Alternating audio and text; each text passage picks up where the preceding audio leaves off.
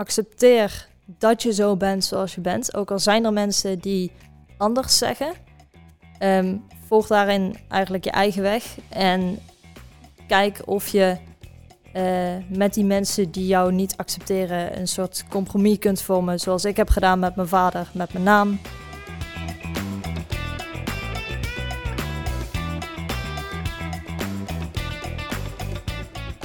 Welkom bij een nieuwe aflevering van de Fontis Pride podcastserie. En bij mij aan de tafel aangeschoven is Jalle. Welkom Jalle. Dank u wel. Jalle, voor de luisteraar die jou niet kent, kun je kort vertellen wie je bent? Uh, nou ja, ik ben uh, Jalle Tuik, ik ben 19 jaar en uh, ik studeer bedrijfsmanagement MKB aan de Fontis Hogeschool hier in Eindhoven. Um, nou, ik ben transgender, dus uh, ik ben van een uh, meisje wil ik naar een jongen. Um, en daar ga ik uh, hier denk ik wat meer over vertellen. Je hebt aangegeven, ik ben transgender. Is dan een nuttige vervolgvraag, hoe identificeer je jezelf? Um, ik denk in mijn geval zeker, want ik gebruik transgender in dit geval als de koepelterm.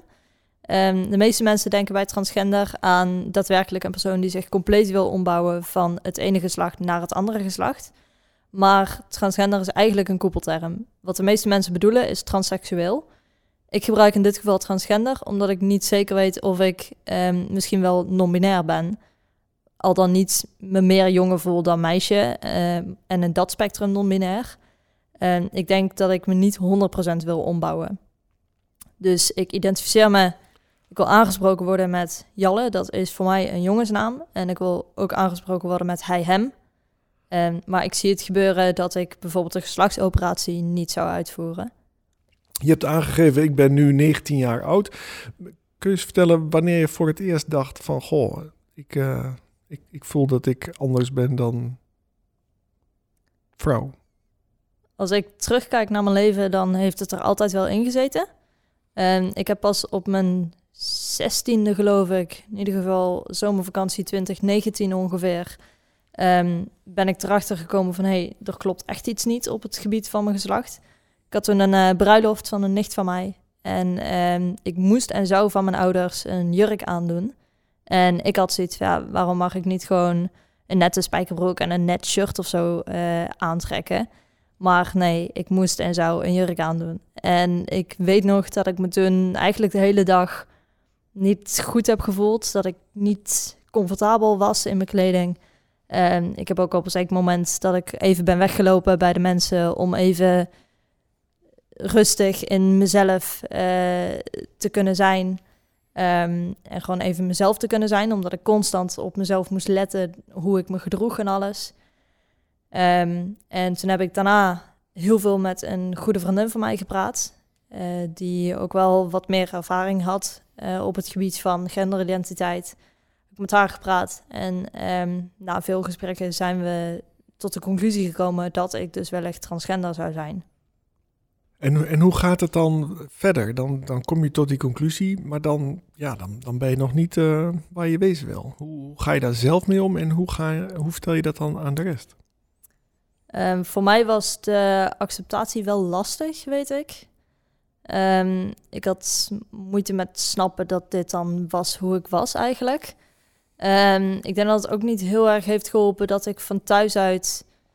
Het is niet dat ik gelijk uit de kast ben gekomen thuis, maar het was ook niet dat er over werd gepraat. Sowieso relaties en seksualiteit wordt amper over gepraat thuis.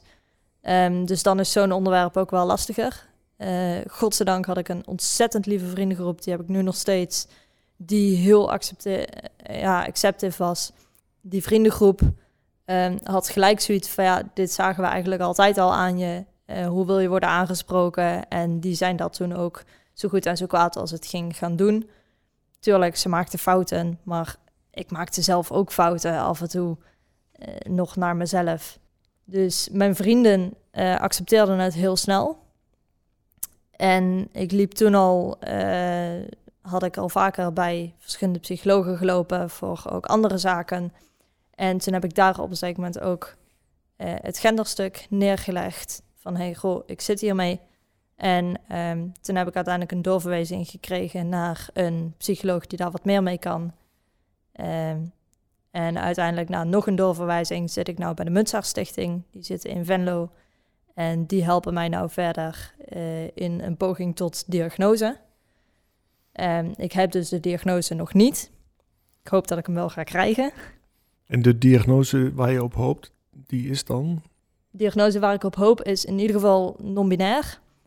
Maar waarschijnlijk komt daaruit wel of geen genderdysforie. En nou studeer je bij Fontis in Eindhoven. En um, tegen welke praktische problemen loop jij zoal aan? Um, op dit moment is dat minder dan toen ik hier begon. Want ik ben uh, in ieder geval bij mijn docenten uit de kast gekomen. In het begin werd ik natuurlijk nog aangesproken met mijn meisjesnaam, omdat ik zo hier was ingeschreven. Ik werd aangesproken met, uh, met zij en met haar. Um, en uh, ik werd aangesproken met dame.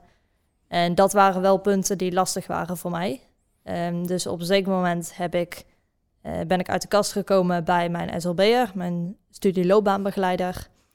Um, en hij was eigenlijk ook heel acceptive en had heel erg zoiets van, ja, als dit is wie je bent, dan is dat zo. Um, en dan gaan wij jou uh, zo goed mogelijk proberen te helpen in wat wij kunnen doen.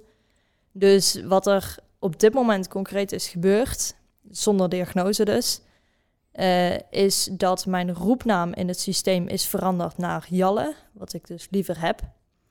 Um, mijn e-mailadres en dergelijke kan helaas nog niet veranderd worden, omdat dat vastzit aan mijn inschrijving. En die kan pas veranderd worden wanneer ik de diagnose heb en wanneer mijn paspoort is veranderd. Um, maar gelukkig word ik wel aangesproken met Jalle en word ik aangesproken met hij, hem door de docenten. Um, ik ben van klas gewisseld uh, op de eerste, omdat ik ook van opleiding was gewisseld. Uh, en in mijn oude klas was ik uit de kast gekomen. Um, heb ik geen negatieve reacties gehad, maar ook geen super positieve reacties of zo. Het werd gewoon aangenomen van oké, het is zo. En zij zijn mij toen ook met Jalle gaan aanspreken. Um, mijn nieuwe klas is officieel niet op de hoogte. Um, ik ben nooit uit de kast gekomen bij ze. Ik kan me wel voorstellen dat daar vermoedens uh, zitten, ook vanuit de docenten die mij met hij hem aanspreken. Zij spreken me wel met Jalle aan, omdat ze ook niet beter weten. Um, dus dat is eigenlijk wat ik er op school een beetje van merk. Maar als ze dan straks dit horen, wat denk je dan dat hun reactie zal zijn? Um, ik denk om eerlijk te zijn niet dat ze dit zullen horen. Maar als dat wel zo is, dan is dat zo. En van mijn part mag mijn klas het weten. Ik heb het uitgesteld om uit de kast te komen, omdat ik eigenlijk ben aan het wachten op een diagnose. Om met zekerheid tegen hun te kunnen zeggen van jongens, dit is zo. Um, maar als ze het weten, dan weten ze het. Ik heb niet het gevoel dat mijn klas nou echt een klas is die er een probleem van zou maken. Nee, en daar komt ook bij, jij bent daar heel open in. Dat vind ik echt heel erg tof. En je kunt ook altijd zeggen, ik zit ook midden in een proces. En ik weet het zelf ook niet helemaal 100%. Ja, dus, zeker. Dat is wel, ik denk als je dat erbij zegt, dan kun je ook geen fouten maken. Ja. Stel je hebt een uh, toverstaf. En je zou iets aan jezelf mogen veranderen. Wat zou jij dan aan jezelf veranderen? Um, het eerste wat ik zou veranderen is denk ik mijn borsten. Um, het lijkt erop dat ik die niet heb, maar dat komt omdat ik een binder draag, die ik uh, heel lief heb gekregen van twee vrienden van mij. Um, die drukt de boel dus gewoon plat. maar dat is het, denk ik het eerste wat ik aan mezelf zou veranderen. En daarna zou ik kijken naar spiermassa, zou ik kijken naar een lagere stem. Ik heb van mezelf een iets wat lagere stem, maar hij mag toch echt nog wel een stukje lager. En dat kun je met uh, hormonen bijvoorbeeld beïnvloeden? Dat zou ik met hormonen kunnen beïnvloeden. Ik zou uh, testosteron kunnen uh, ja, nemen, op wat voor manier dan ook. Daar heb ik wel een diagnose voor nodig. En ik denk niet dat ik dat ga doen, omdat ik uh, mij niet comfortabel voel bij het ja, vreemde stoffen in mijn lichaam spuiten eigenlijk. Um, en deze dingen, stem verlagen, uh, kun je ook op andere manieren doen, zoals bijvoorbeeld met logopedie. Um, er zijn logopedisten, ook bij mij in de stad toevallig, uh, die daar gespecialiseerd in zijn en die jou eigenlijk gaan helpen om je stem lager te trainen. En dan is het op een natuurlijke manier gebeurd. Ja, dat klinkt misschien beter dan die vreemde stoffen waar je het uh, over had. Ja. Hey, en je noemt, uh, ik wil graag meer spiermassa. Uh, zit je toevallig ook bij een sportvereniging om dat alvast op te bouwen? Ik zit zeker bij een sportvereniging. Ik zit al elf en een half jaar inmiddels op wedstrijdzwemmen. En dat doe ik twee keer in de week. Ik ga nu sinds drie kwart jaar ongeveer ook naar de sportschool. Um, dat doe ik dan drie keer in de week. Um, ik moet wel mijn voeding nog bijwerken, zodat het ook daadwerkelijk omgezet kan worden in spiermassa. Um, maar daar ben ik aan aan het werken en op die manier hoop ik die spiermassa te creëren. Ja, en je voeding moet je dan aanpassen door meer eiwit uh, te eten? Uh, meer eiwitten zeker, maar ook meer kilocalorieën. Um, je hebt zeg maar een bepaalde hoeveelheid kilocalorieën nodig om te overleven en om je dagelijkse activiteiten te kunnen doen. Maar op het moment dat jij spiermassa wil gaan opbouwen, dan moet jij ja, meer massa krijgen. En hoe krijg je meer massa? Door meer kilocalorieën in te nemen dan wat je nodig hebt. En dat is nog wel een ding wat ja, vaak lastig is. Ja, nu zeg je dat uh, jij uh, wedstrijdzwemmen uh, als hobby hebt gekozen. Maar dat is misschien niet heel handig in jouw situatie. Want dan ja, ga je dan de jongenskleedkamer in of de meisjeskleedkamer? Of speelt dat probleem niet? Um, dat probleem speelt niet echt. Uh, in de zin van, ik ga nog steeds gewoon de meisjeskleedkamer in.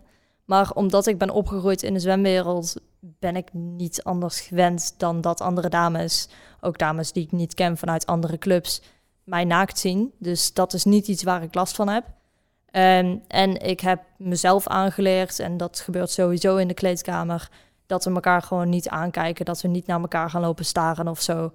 Um, tuurlijk, als je met elkaar in gesprek bent, dan kijk je elkaar wel aan. Maar het is niet dat er echt specifiek naar elkaar gekeken wordt of zo. Dus um, dat is één punt wat, uh, wat gewoon prettig is. Ik kan me daar gewoon omkleden. Ik zwem bij de Watervrienden Nederland.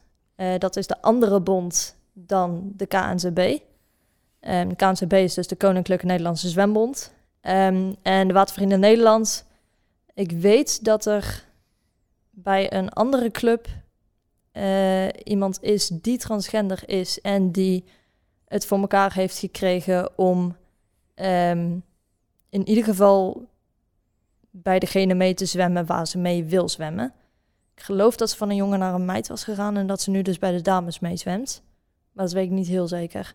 Dus ik weet wel dat er wel het een en ander mogelijk is. Ja, en wat zou voor jou dan de ideale oplossing zijn als jij gewoon nu mag kiezen? Um, wat voor mij de ideale oplossing zou zijn, is denk ik dat ik me ofwel bij de dames mag blijven omkleden, omdat ik niet helemaal om zou gaan, uh, ofwel alleen. Um, maar dat ik wel bij de jongens eigenlijk mee zou mogen zwemmen en met Jalle op de lijst komt te staan en met Jalle wordt omgeroepen en dat soort dingen. Je hebt zo straks iets verteld over uh, de rol van jouw ouders toen je een jurk aan moest naar een uh, bruiloft. Hoe, hoe, staan jouw ouders er nu in en hoe hebben ze jou gesteund in jouw eigen, uh, ik noem het maar, ontdekkingsreis? Um, helaas is het punt van mijn ouders een vrij lastig punt. Um, ik word van thuis uit nog niet geaccepteerd. Vooral omdat ze eigenlijk niet geloven dat het genderdysforie is. Ze hebben het zelf nooit gezien bij mij. Um, dus mijn ouders accepteren mij niet echt. Um, ze zijn wel naar de gesprekken gegaan die de genderpolie had aangevraagd met hun.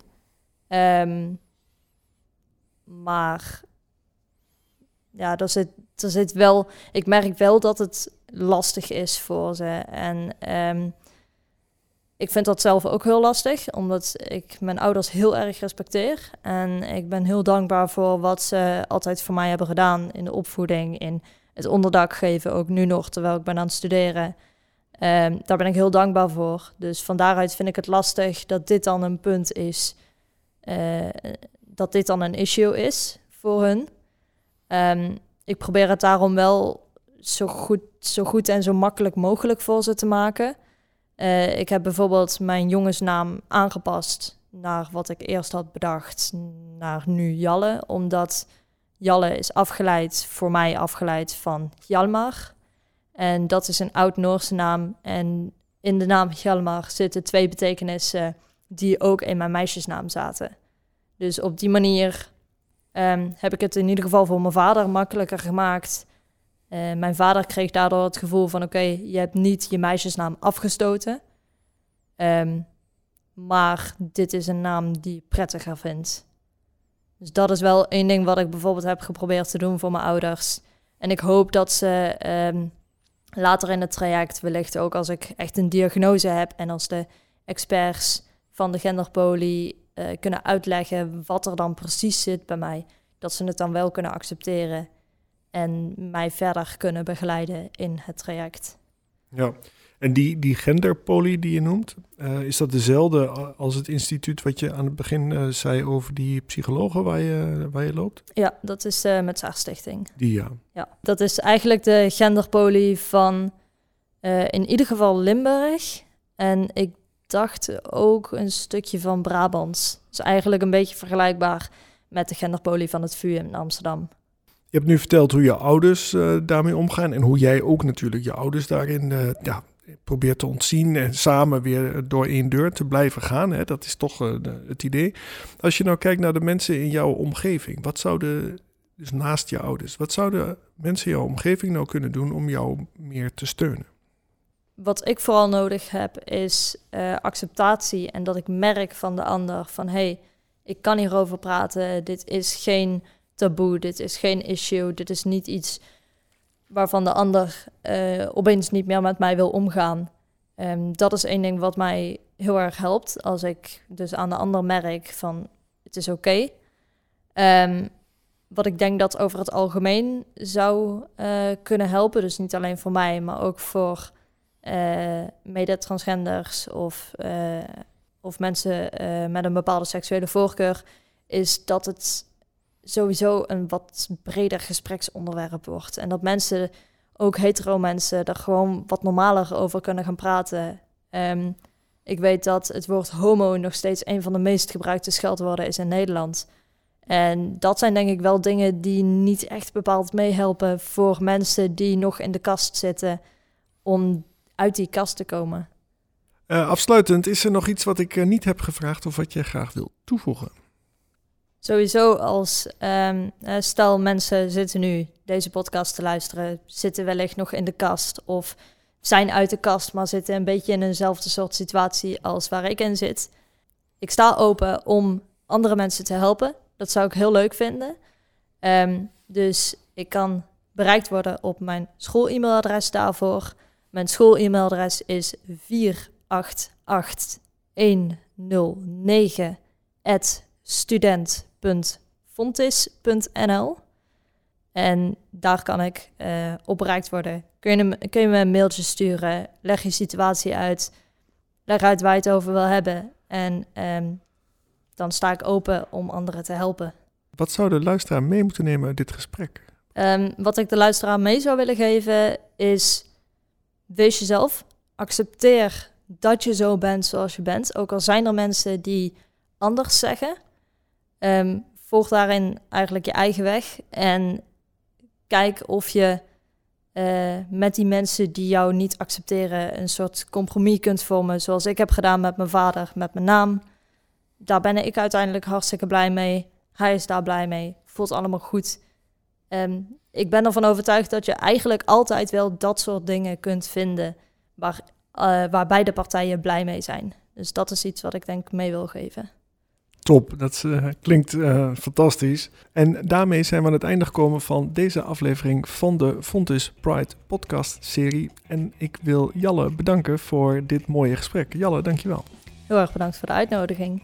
Wat is jouw eerste reactie naar aanleiding van dit gesprek? Uh, ik vond het sowieso heel erg leuk om te doen. Ik vond het uh, leuk om mijn verhaal te delen. En ik hoop dat mensen er wat aan hebben. Ja, dat hoop ik ook. En uh, ik wil dan ook de luisteraar bedanken voor het feit dat je tot het einde bij ons bent gebleven. Vergeet niet om je te abonneren, want binnenkort staat er weer een nieuwe aflevering voor je klaar. Graag tot dan.